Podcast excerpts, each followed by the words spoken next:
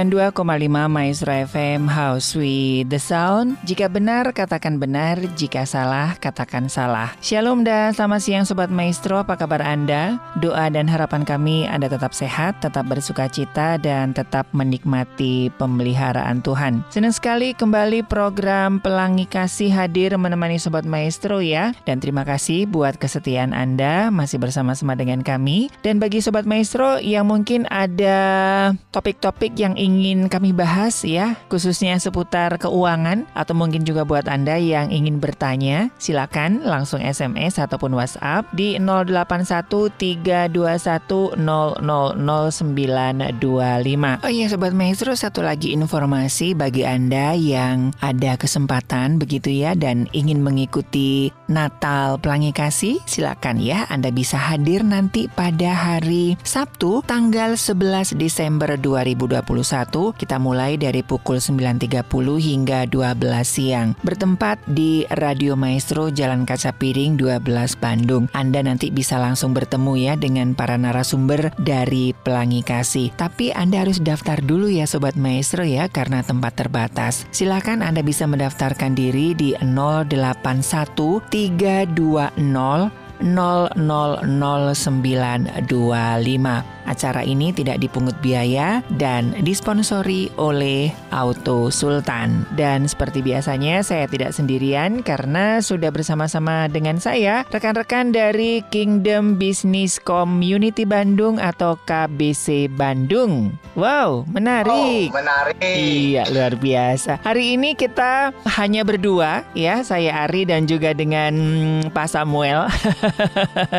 Pak Iya. Andinya lagi ada sedikit kesibukan ya, nggak bisa ditinggalkan ya. Nah, Sobat Maestro, kemarin eh, dua Selasa yang lalu kita sudah membahas ya tentang bagaimana sih mengelola keuangan dalam sebuah keluarga, bagaimana kita merencanakan keuangan, menghitung hari dengan gaji begitu ya. Dan ini memang sangat penting sekali yang namanya manajemen keuangan. Nah, selamat siang Pak Samuel. Selamat siang Pak Ari dan selamat siang para sobat maestro yang setia mendengarkan acara ini. Cinta akan uang atau cinta tanpa uang. Nah, ini sesuatu yang sangat menarik di Pak Samuel. Oke, eh, saya akan coba eh, berbagi ya. Iya. Jadi tidak mengajar saya bahwa saya lebih eh, pintar atau lebih eh, lebih hebat dari rekan-rekan di Radio Maestro, tetapi kita mau sharing bersama-sama Betul. belajar dalam program ini di mana kita selalu mengedukasi untuk kita sama-sama belajar. Iya. ya. Jadi uh, statement yang tadi Pak Ari bilang, cinta akan uang itu kita udah tahu itu salah, ya, Mhm. karena akan membawa kepada keserakahan, ya. Orang yang cinta uang itu akan terjerat kepada berbagai macam uh, percobaan seperti Iya. itu. Karena kalau orang cinta uang, dia akan menghalalkan segala cara untuk mencapai sesuatu yang dia inginkan. Tetapi cinta tanpa uang dalam keluarga itu juga susah, Susah. susah. Jadi dua-dua dua-duanya ini ya, Pak Samuel ya, nggak bisa dipilih ya. Eh, nggak boleh nggak bisa kita harus mencari yang paling tepat Eh, Oke, tapi sebelum bahas ini Pak, ini kan sering kali saya dengar ya dari orang tua, udahlah nanti mah eh, rezeki mah ada aja berkat pernikahan itu ada aja begitu kan? Apakah ini masih relevan Pak untuk masa-masa modern seperti sekarang Pak? Menikah hanya Ya. bermodal cinta tanpa bermodal uang Pak? Kira-kira make sense nggak? ya kalau menurut saya sih sebenarnya berkat itu ada daripada Tuhan. Cuma kita harus tahu bahwa apa yang dikatakan berkat itu tidak bersifat iman pasif ya. Mhm. tetapi bersifat iman aktif. Artinya ada bagian Tuhan dan bagian kita yang memang kita harus lakukan Pak Ari. Jadi misalnya kita tidak hanya bermodalkan iman pasif Tuhan pasti cukupkan. Tetapi yang Tuhan mau adalah iman yang aktif di mana rezeki itu memang dari Tuhan tetapi seperti kita pernah pelajari bahwa rezeki itu harus dijemput lewat apa lewat kapasitas ya ke eh, ability kita, kemampuan kita digabungkan dengan personal value yang kita punya. Nah, Mhm. ketika dua hal ini digabungkan itu akan membuat satu kekuatan untuk menjemput rezeki yang Tuhan berikan gitu, Pak. Iya. Jadi di dalam keluarga mereka harus juga menghitung hal-hal yang seperti barusan saya katakan, Pak. Mm -hmm. Jadi memang ini sesuatu yang sangat menarik ya dari Pak Samuel ya. Cinta akan uang itu salah karena akan membawa kita terjebak pada keserakahan. Cinta tanpa uang juga susah ya.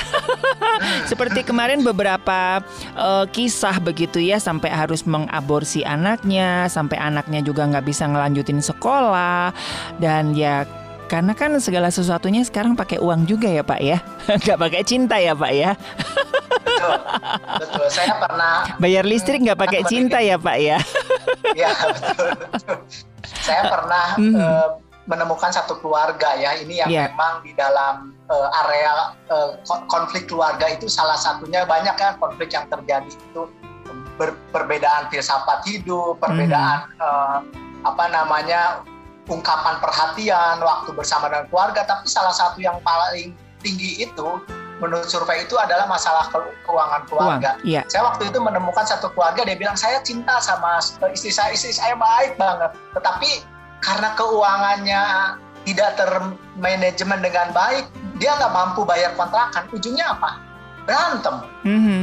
Kenapa? Iya. Karena bingung mau mau gimana saya bayar kontrakan dan sudah diusir gitu ya. Betul, betul. Nah, cinta, mereka bilang saya cinta, tapi ketika harus bayar kontrakan tidak bisa bilang saya lagi cinta sama istri, nggak bisa. Tetap harus pakai uang.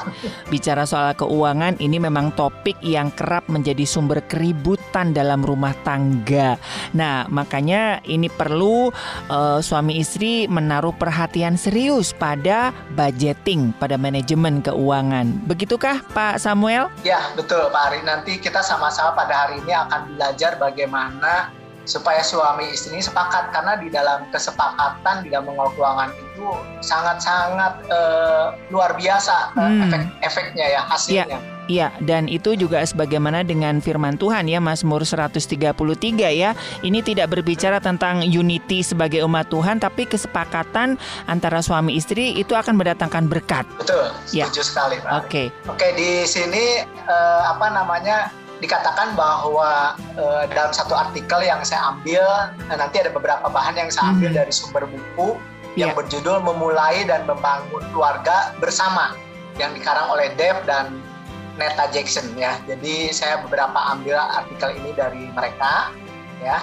Nah, dikatakan bahwa merencanakan anggaran keluarga merupakan cara terbaik untuk menghindari persoalan keuangan dalam keluarga. Jadi kita perlu menciptakan anggaran belanja keluarga ini bersama-sama. Kalau salah seorang memegang kontrol lebih daripada yang lain, maka biasanya akan muncul yang namanya ketidakpuasan gitu Pak. Hmm, Jadi yeah. Iya. uh, kenapa keuangan ini perlu dibicarakan bersama-sama? Karena apa? Karena ketika salah seorang mengontrol satu dengan yang lain itu akan muncul yang namanya ketidakpuasan. Mm-hmm. Nah, ketidakpuasan itulah yang akan mengakibatkan satu bom atom di yeah. kemudian hari ya kalau yeah. itu bertumpuk, bertumpuk dan bertumpuk. Ya. Mm-hmm. Lalu saya akan bacakan uh, pendapat daripada Wayne Rickerson. Dia bilang gini, uang menempati urutan teratas dalam daftar penyebab konflik dalam keluarga. Nah, ketika uang tidak mencukupi atau ketika suami dan istri tidak sepakat dalam pemakaian keuangan dalam keluarga, maka konflik itu mulai akan muncul. Hmm. Hal ke hal keuangan keluarga ini perlu di tentunya perlu dibahas bersama ternyata. Yeah. Artinya Pak Sutri ya harus mencoba mulai membicarakan dan memutuskan bersama bagaimana mereka ya tadi Pak Ari bilang manajemen ya iya. bagaimana yeah. mereka mengatur pemakaian keuangan mereka. Nah nanti siapa di sana yang akan mengatur urusan pengeluaran, siapa yang akan membuat catatan keuangan ya, lalu merencanakan keuangan itu merupakan cara terbaik untuk menghindari masalah keuangan dalam rumah tangga. Jadi perlu dikelola bersama karena ini yeah. akan menghindari masalah keuangan dalam keluarga dan juga menolong membina keharmonisan keluarga. Ternyata keuangan ini berhubungan sekali dengan keharmonisan keluarga, Pak. Betul, setuju. Lalu dalam hal ini kita e, bersama-sama perlu merumuskan anggaran keluarga ya pasangan suami istri perlu berdiskusi nah. ya tentang kebutuhan ya terus tentang nilai hidup mereka di dalam uh, menetapkan keuangan keluarga nilai-nilainya mau seperti apa. Nah, lalu ketika mulai menentukan anggaran, budgeting seperti itu mengenai gaya hidup mereka, justru di sini akan membuat uh, keluarga ini semakin harmonis dan walaupun mereka berbeda, tetap mereka menjadi sepakat dan menjadi menjadi harmonis di dalam uh, mengelola keuangan mereka. Nah, hmm. ketika Pak Sutri membicarakan anggaran untuk misalnya untuk rumah, mereka juga perlu memikirkan kenyamanan, untuk investasi dan lain-lain.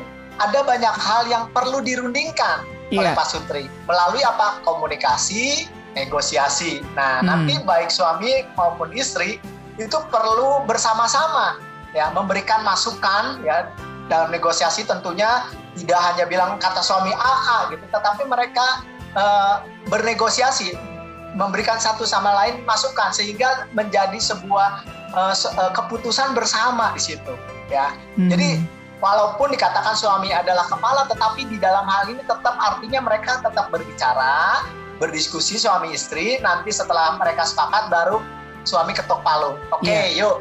Karena sebagai kepala, oke okay, yuk kita putusin kita jalannya ini. Tapi bukan berarti hanya dari suami, tetapi itu sudah dari input input dari istri juga. Nah, akhirnya membuat apa? Uh, dua belah pihak itu tidak dikontrol, mm-hmm. tidak ada yang lebih besar mengontrol sehingga mereka sama-sama puas di dalam mengelola keuangan gitu Pak. Iya. Nah kira-kira apa aja nih Pak Samuel yang harus dikomunikasikan nih dalam membentuk satu kesepakatan nih karena kan uh, suami dan istri memiliki konsep yang berbeda, memiliki tipikal pengaturan keuangan yang berbeda begitu ya. Apa saja ya. nih kira-kira yang bisa menjadi acuan nih bagi sobat maestro untuk membicarakan keuangan keluarga. Karena ini kan sesuatu yang sensitif ya Pak ya sekalipun hanya dengan suami istri begitu kan? Betul sekali. Nah, hmm. uh, sobat-sobat maestro, bahwa keluarga ini ketika kita merit kan tentunya diawali dasar cinta ya. Ya. Dasar cinta dan kasih ya. Kasih yang uh, dari Tuhan seperti itu. Nah, namun ketika kita hanya sekedar oh saya uh, apa namanya uh, membangun keluarga dengan cinta dan kasih tapi tidak di apa diaplikasikan di dalam hal-hal sederhana itu mm-hmm. biasanya bingung yeah. me, apa me, me, mewujudkannya. Nah karena kenapa? Kalau saya lihat mereka ketika menikah itu mereka rata-rata uh, mereka di kalau misalnya di di apa namanya sebelum merit itu di training dulu lah seperti itu mereka rata-rata mereka e, berdasarkan mereka saling kasih saling mencintai dan akhirnya mereka kalau Kristen diberkati mungkin kalau yang lain uh, di penghulu atau apa ya seperti mm -hmm, itu. Mm -hmm. Nah tetapi kenapa setelah mereka uh, merit dan dasarnya sudah benar kasih dan cinta, tetapi ada banyak keluarga yang pecah cerai atau bahkan uh, ada hal yang buruk misalnya ada yang pernah dengar diri juga yeah. itu karena masalah keuangan. Nah, oleh karena itu uh, ini menjadi sesuatu yang penting. Jadi dasar cinta ini juga harus diaplikasikan gimana sih cinta yang sebenarnya yaitu berkomunikasi dengan apa? Dengan di mana kita mulai mendiskusikan supaya punya persepsi yang sama iya. tentang yeah. uang di dalam suatu keluarga, Pak Ari. Mm -hmm. Nah, apa saja yang harus dikomunikasikannya nih? Nah, ini yang tadi pertanyaan Pak, Ari, Pak Ari ya. Yeah. Nah, sebelum masuk ke sana, saya ingin uh, memberikan satu gambaran bahwa suami istri di dalam mengelola keuangan itu seperti dua sisi mata uang. Mm -hmm. Kenapa dua sisi mata uang? Karena apa? Kita di kalau kita lihat dua sisi mata uang gambarnya beda ya antara uh, dan yang kanan ya. Mm-hmm. Tetapi mereka nggak bisa dipisahin. Jadi gambarnya berbeda. Namun tidak bisa dipisahin. Kalau Pak Ari punya uang, dipisahin tuh, dipotong, jadi nggak laku kan. Uangnya jadi nggak berlaku karena karena dipisah antara mm-hmm. gambar kiri dan gambar kanan yeah. ya. Seperti itu. Nah, jadi uh, suami istri ini dalam mengelola angin seperti dua sisi mata uang. Mm-hmm. Gambarnya berbeda, namun tidak bisa dipisahkan. Nah saat dipisahkan, jadi tidak ada nilainya, gitu mm. Pak Ari. Hmm.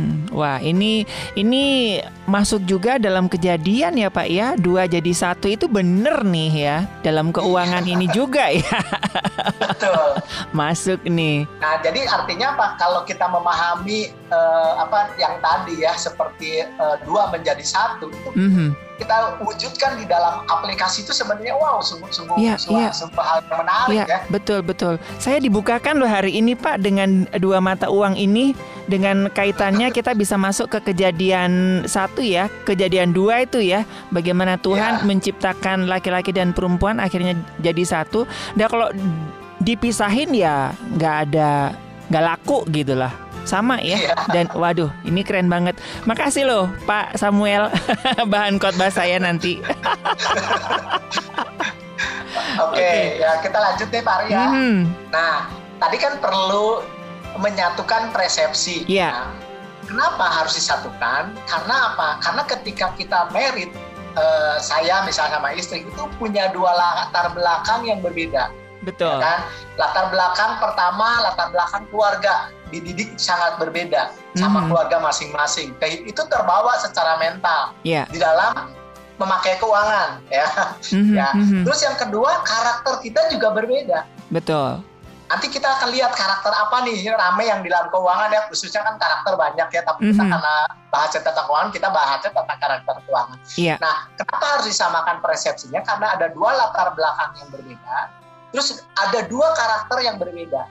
Sehingga uh, uh, kita tujuan menyamakan persepsi ini tujuannya adalah supaya dua orang yang berbeda ini bisa berjalan bersama di tengah perbedaan. Mm-hmm. Ya, karena suami istri ini gini, ketika mereka berdua menjadi satu itu tidak dalam pengertian melebur uh, Pak Ari. Jadi saya oh. setengah wanita, setengah pria. tetap saya pria dan akan pria. Istri saya wanita dan tetap wanita gitu. Mm-hmm. Dia punya mm-hmm. karakter masing-masing. Ini perbedaan ini itu akan tetap bisa berjalan bersama ketika tadi uh, ada satu persepsi yang sama yeah. yang kita yeah. lakukan. Nah, apa saja yang perlu ya? Yang pertama nih Pak Ari, yang paling penting kan gini, uh, kita sering bilang bahwa ayo sepakat, ayo hmm. bersatu. Hmm. Itu clear ya. Iya. Yeah. Memang kita mau sepakat dan bersatu, tapi kan nggak nggak nggak nggak sesimpel itu, itu gitu ya. perlu ada tahapan yang memang kita mau melakukannya yeah. di dalam hal langkah-langkah kecil ya Pak Ari, betul mm. ya. Hmm. Nah, untuk kita bisa mencapai kepada goal sepakat di dalam keluarga, itu yang pertama adalah perlunya dibina komunikasi yang baik. Ya, komunikasi yang baik artinya komunikasinya eh, kata-katanya yang, yang tidak asertif tidak gitu ya Pak ya. Ini ya mm-hmm. kata-katanya lebih ke, ke arah eh, gimana kalau kita ngobrol sama iya. seorang yeah. enak seperti itu. Dan yang paling penting lagi adalah jujur Ya, nah, karena itu. kalau kata-katanya baik dan tidak jujur juga sama, karena ada yang kata-katanya bagus gitu, tidak uh -huh. jujur sampai tahu bahwa kita lagi dibohongin ya. Mm -hmm. Mm -hmm. Nah, tapi kalau kata-katanya kasar, jujur ya kadang-kadang jadi nggak baik juga. Bisa nggak nangkep kejujurannya, yang ada kesinggung duluan. Uh -uh. mm -hmm. Ya, jadi yang pertama ini perlu komunikasi nih suami yeah. istri secara baik dan jujur ya diskusi nih sama suami istri gimana sih mau uh, seperti apa seperti apa nanti kita bahas ya di belakang. Iya. Terus negosiasi untuk mencapai tentu yang kita inginkan adalah winning solution. Ya, karena ada perbedaan dua karakter yang berbeda latar belakang yang berbeda. Nah, ketika komunikasi baik dan jujur ini terjadi, sepakat nggak? Belum. hmm. Belum sepakat. Iya. Justru di situ akan mulai muncul tahap yang kedua. Muncul mulai saling percaya Mm-hmm, iya. Oh suami istri ini nggak saling bohongin, sama-sama terbuka, eh apa saling-saling jujur ya. Nah akibat dari saling percaya ini mulai mereka akan saling terbuka, tidak pernah ada yang disembunyikan. Ya karena yeah. apa? Ketika mereka terbuka, ya karena udah saling percaya, ketika mereka salah pun tidak akan dihakimi. Mereka Betul. akan kembali diskusi berkomunikasi. Nah, akhirnya goal untuk meraih kesepakatan itu bisa terjadi, gitu Pak Ari. Nah, setelah mendapatkan uh, kata sepakat dan mendapatkan kepercayaan, apakah ada level lagi nih Pak yang mesti dilanjutkan nih? Apakah selesai di dua titik itu Pak? sepakat ini sebenarnya goal ya, goal di mana kita nanti berproses. Nah, tapi hmm. Uh, yang kita bahas ini adalah yang lebih akan ditekankan itu bicara komunikasinya karena ini lumayan panjang nih Iya, iya, iya. Untuk kesepakatan ini kan. Betul. Nah, tadi kan komunikasi di dalam keuangan. Apa sih yang harus dikomunikasikan secara terbuka dan sepakat di dalam keuangan ya Pak Ari ya? Hmm. hmm. Nah, yang pertama nih Pak Ari, itu mereka suami istri itu harus uh, membicarakan tujuan keuangan mereka Iya. Suami dan istri belajar tentang keuangan, terus mereka menetapkan tujuan keuangan mereka untuk apa ke depan, jangka pendeknya, mungkin kalau ada jangka menengah, bahkan sampai jangka panjang. Mm. Ya lewat apa yang kita sama-sama kemarin ajarkan tentang frugal living itu bicara uh, bicara budgeting lagi di situ yeah. dan suami istri itu harus diskusi. Mm. Karena kalau enggak berantem, Pak Ari. Iya, betul, betul. Nah, Terus uh, tuju, ketika mereka tahu juga uh, tentang budgeting tadi ya, sehingga mendapatkan jangka pendek, jangka menengah dan jangka panjang. Nah, suami istri juga harus punya pemahaman secara spiritual yang sama, Pak Ari. Yang pertama adalah mereka menyadari bahwa Tuhan itu pemilik. Oh, iya. Apa yang kita punya yang saat ini rezeki yang ada di tangan kita itu bukan milik kita, tapi milik Tuhan. Ya. Mm -hmm. Kenapa saya uh, membuktikan itu milik Tuhan gampang Pak Ari. Iya. Ya. Kalau kalau kalau kita yang punya pemilik itu akan dibawa ke mana pun kita punya, eh, ke mana pun kita, kita pergi. pergi. Itu arti dari pemilik ya. Mm-hmm. Misalnya contoh ini, kalau saya uh, memiliki harta maka saya akan ke bulan pun saya akan bawa itu saya punya pemilik. Namun ketika saya melihat kenapa kita ini bukan pemilik, ketika saya meninggal, Pak Ari, harta itu nggak dibawa, Pak Ari. Iya, betul. artinya apa? Saya bukan pemilik, Pak Ari. Mhm, mhm, mhm. gitu. Nah, artinya apa? Bahwa harta ini yang kita uh, saat ini kalau uh, yang saat ini kita punya itu Tuhan yang punya. Iya.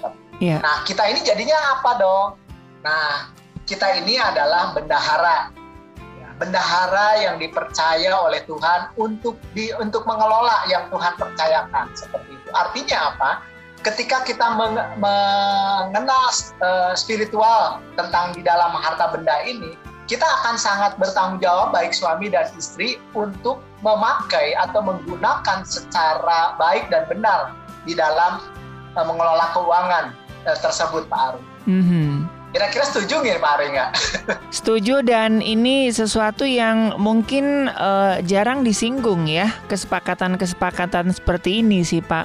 Iya, biasanya kan keluarganya kan ya udahlah learning by doing gitu kan gimana nantinya gitu kan trial and error. mengalir ke mana? Mengalir ke mana air sungai mengalir gitu kan. Lama-lamanya ya ke persidangan ke meja hijau. Ada juga hal yang penting bagaimana keluarga itu mendapatkan penghasilan. Hmm. Ya, misalnya contohnya apa sih? Bagaimana kok harus diskusi, didiskusikan mendapat penghasilan? Yang pertama, eh, ketika mereka berkeluarga, kita boleh mendiskusikan sumber penghasilannya itu mau dari siapa atau hanya dari satu sumber yeah, saja, yeah, suami yeah. ya, atau mau tetap dari suami dan istri yang mungkin ketika uh, sebelum merit mereka sama-sama bekerja, atau bahkan ketika keluarga diputuskan, oke okay, istri uh, tetap di rumah untuk nanti satu saat ngurus anak dan saya sebagai suami akan bertanggung jawab memenuhi kebutuhan keluarga. Nah ini perlu dibicarakan, dibicarakan karena iya. uh, di tiap keluarga itu berbeda-beda. Kalau Betul. kita lihat ada yang suami istrinya bekerja, tetap ada yang suaminya bekerja istrinya di rumah. Nah tapi kalau boleh jangan kebalik suaminya yang di rumah istrinya yang bekerja. Mhm, mhm, mhm. Iya, kalau tapi, boleh gitu. Iya, tapi iya. kalau dalam keadaan ada kasus-kasus tertentu ya Pak ya ya why not nggak apa-apa mm -hmm, gitu. Mm -hmm. Mm -hmm. Betul, betul, betul. Dan ini terjadi di keluarga kakak saya, Pak, begitu. Jadi eh, nggak dibicarakan begitu sebetulnya dibicarakan tetapi nggak fair buat istrinya gitu. Udah pokoknya kamu jadi ibu rumah tangga, semua uh, saya yang kerja gitu kan. Tapi faktanya suaminya tidak mencukupi kebutuhan istrinya, terus istrinya kepingin kerja, tetap nyuri-nyuri waktu kerja, ketahuan akhirnya kabur istrinya pak. oh. Karena merasa nggak cukup gitu. Yeah, yeah. Akhirnya cerai gitu. Nah ini kan eh, apa namanya penting juga ya. Jadi sumber ketika sudah diputuskan sumber keuangan dari mana, ya yang bertanggung jawab itu yang harus ya sesuai target yang diharapkan ya Pak ya. Ya betul. Jadi memang perlu tetap dibicarakan. Dibicarakan. Pak Kayak iya. saya eh, sampai sekarang istri juga bekerja. Tapi kalau saya terus terang aja bukan karena dalam pengertian istri bekerja itu disuruh saya karena kurang, bukan Mhm, kalau saya. mhm. Kalau saya lebih ke arah eh, kita diskusi supaya istri saya berkembang, Pak Ari. Oh, iya. Nah, Iya. lebih berkembang. Jadi ya, saya ini mah prinsip saya aja nggak se- nggak semua harus kayak kayak saya karena tiap orang punya keputusan berbeda, punya nilai berbeda juga dan situasinya juga berbeda. Kalau saya eh, kenapa istri tetap bekerja? Karena saya mendorong supaya istri saya itu berkembang sebenarnya. Betul, betul. Eh, istri Betul. saya tidak hanya sibuk hanya ngurusin nyuci piring, nyuci baju, ya Mhm. ngepel kayak gitu. Saya rasanya saya lihat istri eh, udah lulus mahasiswa, saya pengen dia juga bisa berkarya di dalam apa yang Hmm. pernah dia pelajari. Mhm, Ya, tapi mhm. ini tidak bukan bukan aturan utama ya. Iya, ini mah iya. pendapat persoalan pribadi masing-masing. Jadi Iya. jangan sampai salah ya sobat Mestro betul, betul. bahwa yang saya tadi ceritakan itu bukan bukan fatwa gitu ya. Mhm, mhm. Makanya itu dibutuhkan eh, komunikasi, kesepakatan ya dan negosiasi gitu ya. betul, betul, betul. Karena itu penting sekali. Soalnya ini ada beberapa sobat maestro yang istrinya lagi pundung pak, kepingin buka warung, sementara suaminya emangnya kurang gitu kan. Nah bukan masalah kurang, dia kan punya mimpi dan punya skill di situ dan punya harapan begitu loh. Jadi ya mudah-mudahan dengar ya suaminya. Nggak apa-apa mau gagal mau nggak gagal yang penting eh, suaminya sudah memberikan kesempatan ya pak ya. Betul, betul. Mhm, mhm, Ya ini oke. hanya sekedar guyonan ya. iya. Misalnya eh, kita bisa mencukupi kehidupan nafkah nafkah kita ya di keluarga. Mhm. Terus istri misalnya punya penghasilan tambahan, ya buat senang-senang istri gitu pak. Iya, iya, Beli buat betul. beli bedaknya, Betul, betul, buat beli sepatunya. betul, Jadi betul. Ya menurut saya sih kalau jadi suami sangat membantu juga ya. Iya, iya. Dan saya setuju dengan Pak Samuel tadi kan lebih mengembangkan eh, istri begitu kan? Ya kan? Ya Ya kan kita nggak tahu ya Pak ya kita sebagai suami kita ke depannya seperti apa begitu kan? betul. Sekarang ini banyak kejadian dengan eh, situasi pandemi sekarang justru lebih banyak istri yang yang bekerja begitu. Hmm. Mhm. Nah kalau istri tidak dikembangkan skillnya dan kemampuannya ya ya ya kasihan gitu kan? Oke. Betul. Iya, iya. Nah, inilah seninya ya sobat maestro ya. Jadi ini adalah sharing pengalaman. Oke, selanjutnya seperti apa ini Pak Samuel? Nah, yang masih di poin yang ini ya tentang menghasilkan bagaimana mendapatkan penghasilan itu harus dikomunikasikan ketika juga eh, tempat di mana bekerja.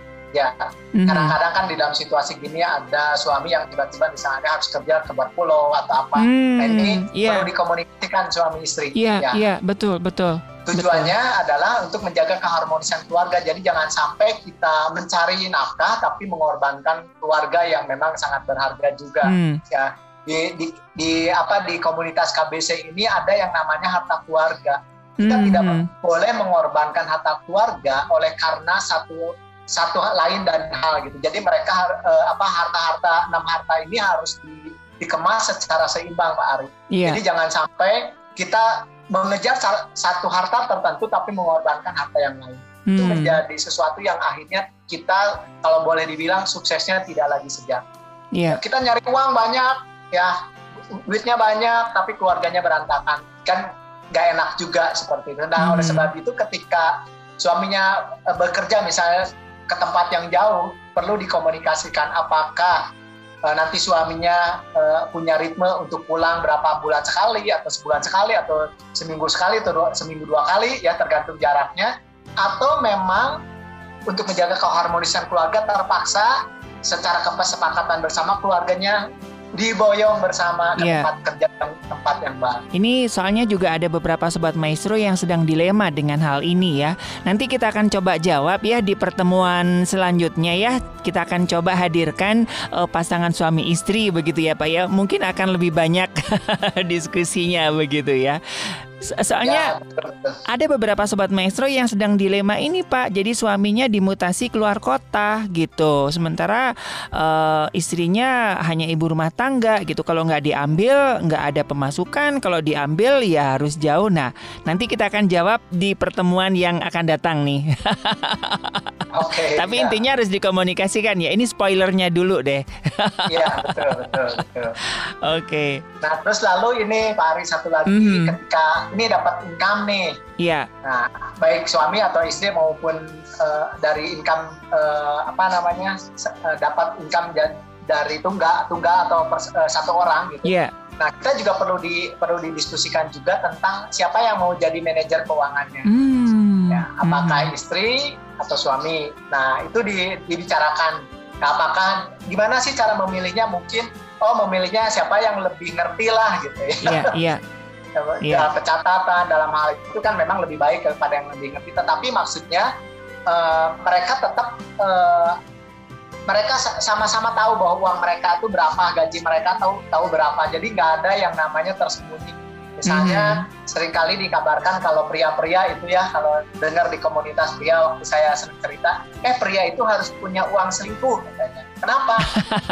kalau udah dikasihin ke istri nggak bisa diambil lagi. Jadi kalau kita mau ngapa-ngapain, misalnya mau mau pengen beli hobi, beli apa, nggak -hmm. usah minta ke istri. Ada uang selingkuh katanya. Uh -uh. Tapi ternyata uh, menurut saya sih itu kurang bagus ya Pak Ari. Iya, iya. Kalau kita komunikasikan secara baik sebenarnya uh, kita lebih nyaman kita menggunakan uang kita secara bertanggung jawab. Mm.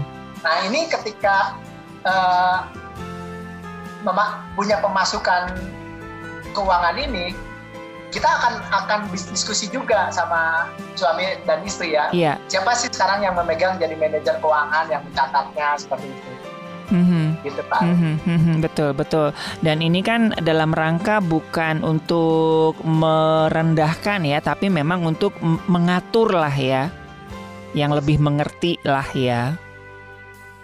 Kalau mm-hmm. saya itu uh, bicara tentang pencatatan atau apa, saya biasanya ke istri karena saya orangnya nggak hmm. detail Pak. Iya iya. Jadi yeah. general kayak kayak kayak gini nih konsep seperti itu, tapi bicara detail masukin catatan-catatan istri lebih lebih kuat. Jadi saya yeah. kasih ke istri lah. Betul betul betul betul. Oke. Okay. jadi saling melengkapi. Betul betul. Iya iya kembali ke dua ke, uh, satu keping mata uang tadi ya pak ya. Wah ini nah, akan memunculkan nih, banyak pertanyaan nih ya. Silakan ya sobat maestro yang mungkin udah nggak sabar nih ya di 081321000925 supaya di kesempatan yang akan datang kita lebih banyak lagi mendapatkan um, apa namanya sharing pengalaman begitu ya bagaimana mengelola keuangan begitu ya. Nah, yang ketiga yang sering kali jadi persoalan di keluarga itu bagaimana kita menabur atau memberi.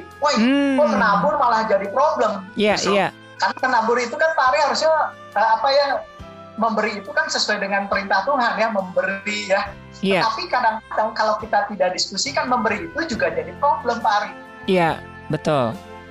Nah, ini ternyata perlu dikomunikasikan juga. Misalnya contoh saya kasih uh, di dalam kehidupan saja ya. Kita kan ketika merit itu pasti punya orang tua dan punya mertua, betul ya? Mm -hmm. Nah, kita harus bicara sama istri ketika kita kan tentunya sebagai anak akan me memberikan ucapan terima kasih dengan apa yang kita punya walaupun tidak besar, tapi kita adalah untuk kita berikan kepada orang tua atau mertua kita. Mm-hmm. Nah, nah, ketika kita memberikan itu, yang harus dibicarakan tuh apanya? Yaitu bicara jumlahnya. Mm-hmm. jumlahnya, apakah mau disamakan gitu antara orang tua atau mertua, atau di, dibicarakan lagi sesuai keadaan mereka. Yeah. Karena misalnya contohnya kalau misalnya oh orang tua saya masih ada suaminya, masih punya pendapatan pensiun tapi yang mertua ini single fighter, dia udah nggak punya penghasilan.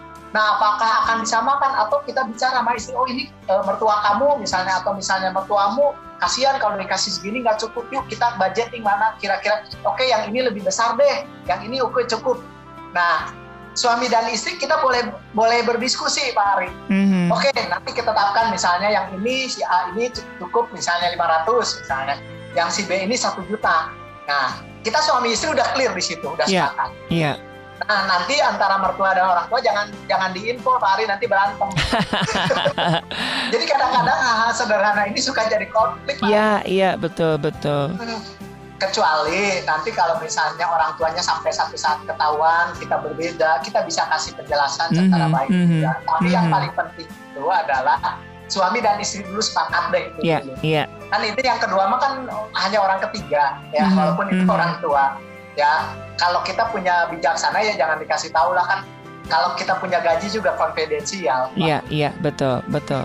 Ya, begitu juga ketika kita memberi uh, ada misalnya saudara yang mau minta tolong, itu sebenarnya ketika kan gini ada saudara misalnya saya punya adik, misalnya istri punya adik, kan punya kakak. Ketika kan satu saat kita nggak pernah tahu ada yang susah. Mm-hmm. Nah, ketika kita memberi, tetap suami istri itu harus bicara dulu, Pak. Iya. Bagus tuh Pak saya mau memberi berapa? Oke, sesuaikan budget. Oke, udah kasihnya segitu. Itu jangan hmm. sampai gini, memberi dulu baru ngasih tahu. Biasanya yeah. nanti takut ya, takutnya eh, apa namanya? Ya tadi tidak jujur nanti eh, eh, apa persepsinya tidak jujur, tidak terbuka. Lebih baik bicara dulu di awal eh ada ada saudara saya yang membutuhkan pertolongan gimana kalau kita bantu berapa nih mau bantunya. Hmm. Kalau saya selalu berdiskusi Pak Ari. Iya. Termasuk yeah. ngasih pepau Pak Ari. Oh, iya, iya. Saya diskusi mau kasih berapa nih. Mm -hmm. Gitu kan. Mm -hmm. Jadi enak Pak Ari. Jadi betul, betul. Problem Pak Ari. Betul. Sekalipun kasarannya uh, suami yang yang bekerja ya Pak ya sebagai sumber ya. keuangan ya, tetap harus kok menghargai keberadaan istri ya. Betul, betul, mm -hmm. betul sekali Pak Ari. Iya, iya. Karena ya. apa? Ketika kita sudah married, maka walaupun misalnya suami yang menghasilkan maka uang itu harus memiliki prinsip bahwa uang itu adalah uang keluarga. Hmm, ya. Yang ya. Kita ini sama-sama menjadi bendaharanya, jadi harus sama-sama dikelola bareng-bareng. Betul, betul. Ini juga ada uh, beberapa sahabat yang sampai sekarang pun nggak tahu suaminya gajinya berapa, Pak. Iya. ya itu kan kenapa kenapa disembunyiin karena mereka takutnya kalau mm-hmm. takutnya kalau dikasihin nanti dia nggak bisa ngambil lagi makanya ini harus mulai Pak Ari karena memang uh-huh. banyak kehidupan kenapa nggak mau terbuka karena kalau dari kasih istri nggak bisa ditarik lagi. saya aja kalau gaji gaji saya istri tahu, mm-hmm. bonus aja tahu pak. Mm-hmm. Oke oke, dah ini memang beli, beli, seperti beli, beli aja sesuatu kadang-kadang saya tetap ngomongnya tadi saya mm-hmm. apa, mau beli ini beli itu juga kadang-kadang mm-hmm. saya ngomong kecuali gini Pak Ari hal-hal ke, terlalu kecil sih nggak juga lah nggak tahu. Yeah. Misalnya yeah. contoh mau beli apa ya misalnya. Beli es cendol gitu ya, beli es cendol, beli gorengan habis olahraga oh, gitu harus, ya. Enggak harus nih, saya mau beli cendol. Enggak lah. Selama okay. masih ada di dalam budgeting, hal mm -hmm. terlalu kecil juga enggak kita nggak bikin terlalu rumit juga. Tapi yeah. kalau ada hal yang menyangkut kepada cash flow besar tadi kan membantu orang lain itu kan mm -hmm. menyangkut mm -hmm. ke cash flow ya yeah. hanya lumayan nah ya kita bicarakan nah Iya. Oke, nah sekarang lanjut nih ya Pak Ria. Iya, silakan Pak Samuel. Nah, nah yang dikomunikasikan lagi kan kita udah bicara nih prestasi tuh. Mm, mm. Iya, betul, betul, betul. Ya kan? Nah ini juga sama, perlu dibicarakan sama istri. Ya, begitu bicara investasi, investasi apa yang mau kita sama-sama keluarga itu kumpulkan gitu kan? Untuk untuk masa depan keluarga, karena ada banyak juga uh, ketika nggak didiskusikan ya kita misalnya suami tiba-tiba ada promosi dari temen oh, ikut asuransi apa apa apa terus kita kan tertarik nih. Mm. uh, karena suaminya bersama teman nih ngobrolnya gitu kan. Terus tanpa ngobrol sama istri ikutan nih jebret gitu ya ikutan. Eh tahu-tahu rugi gitu Pak Arik nah itu kan jadi jadi jadi apa jadi ada satu yang nggak bagus juga di dalam komunikasi. Nah mm. ketika berinvestasi pun ketika kita sudah mulai mendengar pengetahuannya tetap kita balik lagi ke istri ngobrolin lagi. Yeah. yuk mau kita belajar nggak? Misalnya kalau kita saham atau apa misalnya properti atau apa yuk kita mau mau beli properti di mana ya? Ini cocok nggak ya? Nah itu kan dua dua dua pribadi yang mm-hmm. mana pria itu rasio yang bekerja yeah. dan wanita itu feeling itu saling melengkapi. Betul betul. Kadang rasio itu juga ada ada weaknessnya. Iya ya feeling pun ada weaknessnya jadi mm-hmm. ketika ini dikombinasi menjadi sesuatu yang bagus nah kan sering kali banyak orang terjadi berinvestasi tahu-tahu uangnya habis tahu akhirnya yeah. korbannya keluarga lagi keluarga lagi istri dan anak-anak jadi korban lagi karena mm-hmm. apa karena suaminya nggak mau mengkomunikasikan tentang Dengan investasi yang yeah. dia lakukan seperti itu pak mm-hmm. Mm-hmm betul, betul, betul. Dan biasanya Jadi istri feelingnya tuh lebih lebih tajam ya Pak ya? ada ya sering kali begitu Pak. Iya. Seringkali iya. gitu Pak. Mm-hmm. Jadi jangan jangan juga menyepelekan tentang sebuah feeling istri. Iya betul betul betul dan itu sudah kebukti di banyak sekali keluarga yang jeblok karena meremehkan feeling istri ah perasaan lo aja. Begitu kejadian, bener ya istri gue ngomong apa gitu ya. Gitu benar Pak Ari. makanya kan Tuhan siapkan istri Anda sebagai penolong begitu kan yang sepadan gitu ya. Iya, betul betul sekali. Oke. Okay. Mm-hmm. Nah, membeli kan ini tadi tadi investasi. Investasi, ya. iya. Nah, beli asuransi pun sama, Pak Yes. Harus ngobrol sama istri. Jangan sampai karena kan kadang-kadang oh saya mah ada sayang sama istri beliin aja asuransi tanpa mm -mm. ngobrol. Mm -mm. Ya, tapi kan asuransi juga ada premi yang harus dibayar. Iya. Yeah. ya ujung-ujungnya kan budgetingnya harus diobrolin lagi sama istri untuk dikeluarkannya. Jadi tetap semuanya balik lagi Pak Ari apa pun yang tadi jelaskan poin satu, dua, tiga, nah sekarang yang keempat pun perlu kita bicarakan Pak.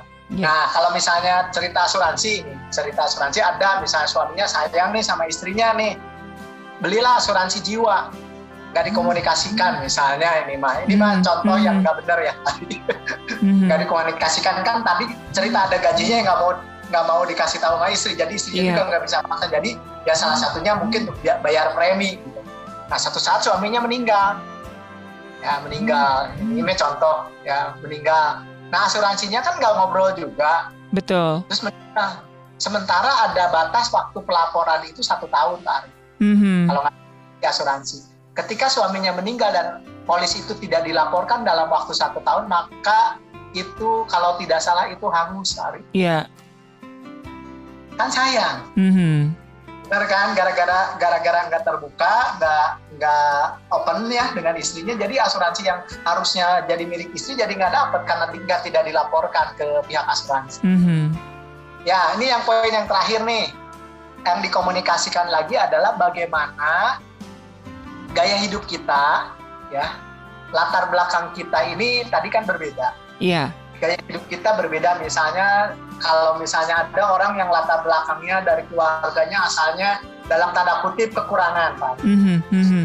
Itu biasanya muncul salah satunya kejiwaannya itu saver Pak. Saver, iya uh, senangnya nyimpen gitu seper karena apa karena dia dalam keadaan uh, mental dalam masa kecilnya sampai sampai mulai dewasanya itu memang dalam kesusahan Pak Ari jadi dia hmm. sangat mirip di dalam mengeluarkan dan itu muncul di dalam jiwa dia itu sebagai saver Pak Iya yeah. ya nah terus merit sama seorang istri yang tidak kekurangan Mm-hmm. Jadi kalau minta sama mamanya dikasih, minta mau beli apa dikasih, itu jadi spender orangnya. Yeah. Senangnya belanja, membelikan sesuatu seperti itu. Nah, satu saat merit nih Pak Ari, ketemu nih dua orang itu, pasti akan terjadi konflik Pak Ari. Iya, ada benturan ya.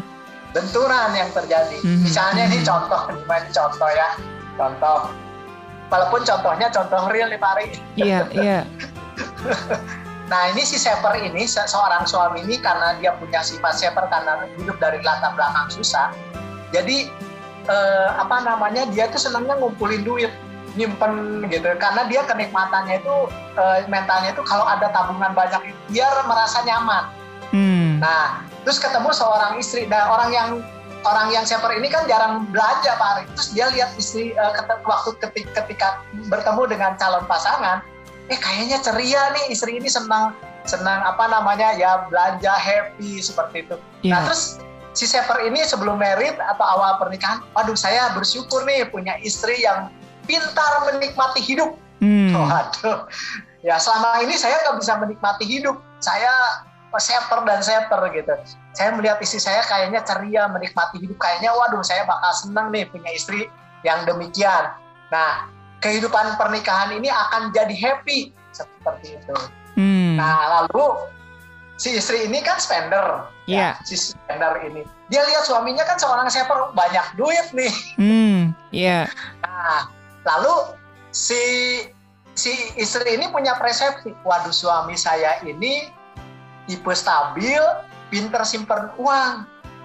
Nanti saya kalau merit sama dia, saya akan punya kehidupan pernikahan yang sangat stabil. Kenapa? Karena saya bisa belanja.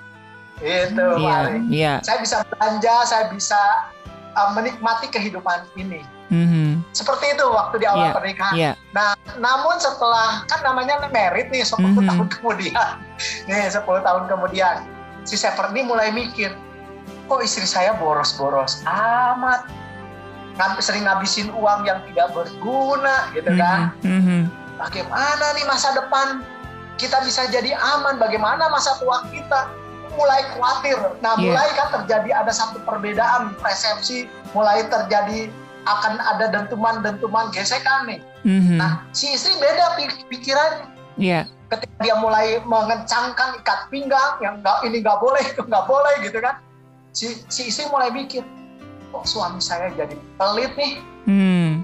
aku jadi nggak happy ya dulu waktu awal merit enak ya kok sekarang kok serba diatur seperti itu saya jadi nggak happy saya jadi nggak suka saya merasa menjadi dikekang hidup ini menjadi tidak berkualitas gitu hmm. kan seperti hmm. itu. Hmm. nah ini sering kali kejadian dan ini karena apa karena tidak dikomunikasikan ketika dia mengerti bahwa saya ini tipis tipe tipikalnya saver, saya ini tipikalnya spender. Yeah. Nah, namun kalau mereka dikomunikasikan, ya sebenarnya saver dan spender ini menjadi sebuah kombinasi sebenarnya bisa saling menikmati, Pak. Mm-hmm. Nah, bagaimana ketika dikomunikasikan mereka akan bisa memanage keuangan dengan baik. Ya, si saver bisa juga tidak terlalu saver, tetapi dia yang namanya terlalu kan nggak bagus ya, Pak. Iya, betul, dia betul aja menikmati ya, menikmati apa yang dia simpan, mulai menikmati apa yang dia punya gitu. Nah, mm-hmm. tetapi spender ini akan mulai juga berpikir bahwa tidak semuanya harus di harus dipenuhi. Ada mm-hmm. beberapa yang harus dipikirkan untuk masa depan seperti yeah. itu. Sehingga mereka uh, di dalam keadaan saver dan spender ini mereka tetap akan punya pos-pos aset yang tepat ya, yang tepat uh, yang mereka alokasi secara budgeting sehingga mereka menjadi orang-orang yang punya kehidupan berkualitas, aman dari hari ini sampai masa depan di dalam hal keuangan. Hmm, hmm, ya, betul, betul, betul. Saya juga ada kasus yang ini kebalikannya Pak gitu. Jadi suaminya itu dulu latar belakangnya susah gitu ya. Jadi ini hanya masalah sabun aja Pak. suaminya kan susah tinggal di asrama. Jadi waktu kecilnya itu kalau mandi tuh harus ngumpulin sisa-sisa sabun terus ditempelin jadi satu akhirnya tebel begitu. Ketika dia udah sukses, sudah menikah, dia nggak mau tuh lihat sabun tipis. Begitu sabunnya udah mulai tipis dibuang dibuang. Sementara istrinya kan dari orang yang suka berada, ini kok buang-buang sabun, akhirnya dikumpulin lah sama istrinya, ditempel sama uh, sabun yang baru begitu kan. Suaminya ngamuk, ngapain? Jadi luka-luka hati suaminya itu tergores gara-gara sabun yang tipis, Pak. nah ini kan karena tidak ada komunikasi gitu. Akhirnya ya, ya sudah, lu pakai sabun baru, saya sisa kamu akhirnya. menarik menarik menarik hanya gara-gara sabun gitu jadi mengingatkan masa pahitnya suaminya ternyata. Jadi ngerasa sekarang hidupnya udah sukses, jadi dia buang-buang duit pak, gitu. Nikmati hmm. kebalikannya jadi tip, uh, tipikal yang uh, spender gitu. Iya iya. Mm-hmm. Itu balas dendam artinya pak. Balas dendam. Nah itu nanti kita akan bicarakan ya di di pertemuan yang akan datang. Semakin seru nih ya hal-hal praktis suami istri yang mungkin tidak dibicarakan, tapi akhirnya itu lama-lama jadi toksit dan meledaklah ya jadi betul, ketidakpuasan betul. satu dengan yang lain hmm, karena ada banyak persoalan di dalam uh, psikologi orang ya ketika mm-hmm. mereka susah itu ketika dia kaya itu jadi balas dendam yeah, yeah. kontrol mm-hmm. ya mm-hmm. pengeluarannya itu juga bahaya itu juga menjadi problem di dalam keluarga apalagi mereka berkeluarga mm-hmm. oke okay. kayak kayak gini jadi cerita mm-hmm. kan punya uang nah sekarang mumpung punya uang saya beli yeah. segala macam akhirnya keluar budgeting lagi dan itu yeah. ya ini merusak cash flow uh, keluarga ya. Betul, Seperti betul, itu. betul. Wah, ini sebetulnya kepingin korek-korek lebih lebih lebih banyak nih ya sama Pak Samuel ya, tapi memang waktu kita ke, apa terbatas nih, Pak. Oke, Pak Samuel, mohon maaf karena saya harus menyudahi dari eh, apa namanya perbincangan siang hari ini, Pak. Nah, kira-kira apa yang bisa kita simpulkan dari pembahasan uh, kali ini, Pak Samuel? Kesimpulannya saya akan ambil dari satu ayat di dalam khotbah 4 ayat 9 ya, Pak. Mm. Dikatakan berdua lebih baik daripada seorang diri karena mereka yang berdua suami istri ini mereka akan menerima upah yang baik dalam jerih payah mereka ya lalu di dalam Matius 18 ayat 19 dan lagi aku berkata kepadamu jika dua orang dua orang itu suami istri daripadamu di dunia ini sepakat meminta apa pun juga permintaan mereka itu akan dikabulkan oleh Bapakmu yang di surga. Jadi ternyata kesepakatan suami istri itu powerful Pak Ari. Yeah. Jadi jangan sampai abaikan kesepakatan suami istri ini. Dan ini harus dibina lewat tadi komunikasi secara jujur, keterbukaan, ya akhirnya menimbulkan yang namanya kesepakatan.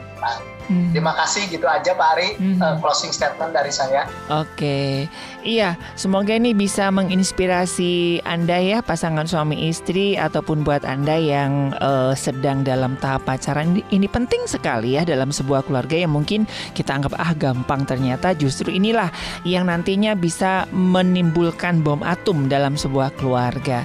Oh iya sobat maestro satu lagi informasi bagi anda yang ada kesempatan begitu ya dan ingin mengikuti Natal Pelangi Kasih, silakan ya Anda bisa hadir nanti pada hari Sabtu tanggal 11 Desember 2021. Kita mulai dari pukul 9.30 hingga 12 siang. Bertempat di Radio Maestro Jalan Kaca Piring 12 Bandung. Anda nanti bisa langsung bertemu ya dengan para narasumber dari Pelangi Kasih. Tapi Anda harus daftar dulu ya Sobat Maestro ya karena tempat terbatas. Silakan Anda bisa mendaftarkan diri di 08 81 320 000925. Acara ini tidak dipungut biaya dan disponsori oleh Auto Sultan. Sekali lagi Pak Samuel, terima kasih buat siang hari ini. Ya, sama-sama Pak Ari.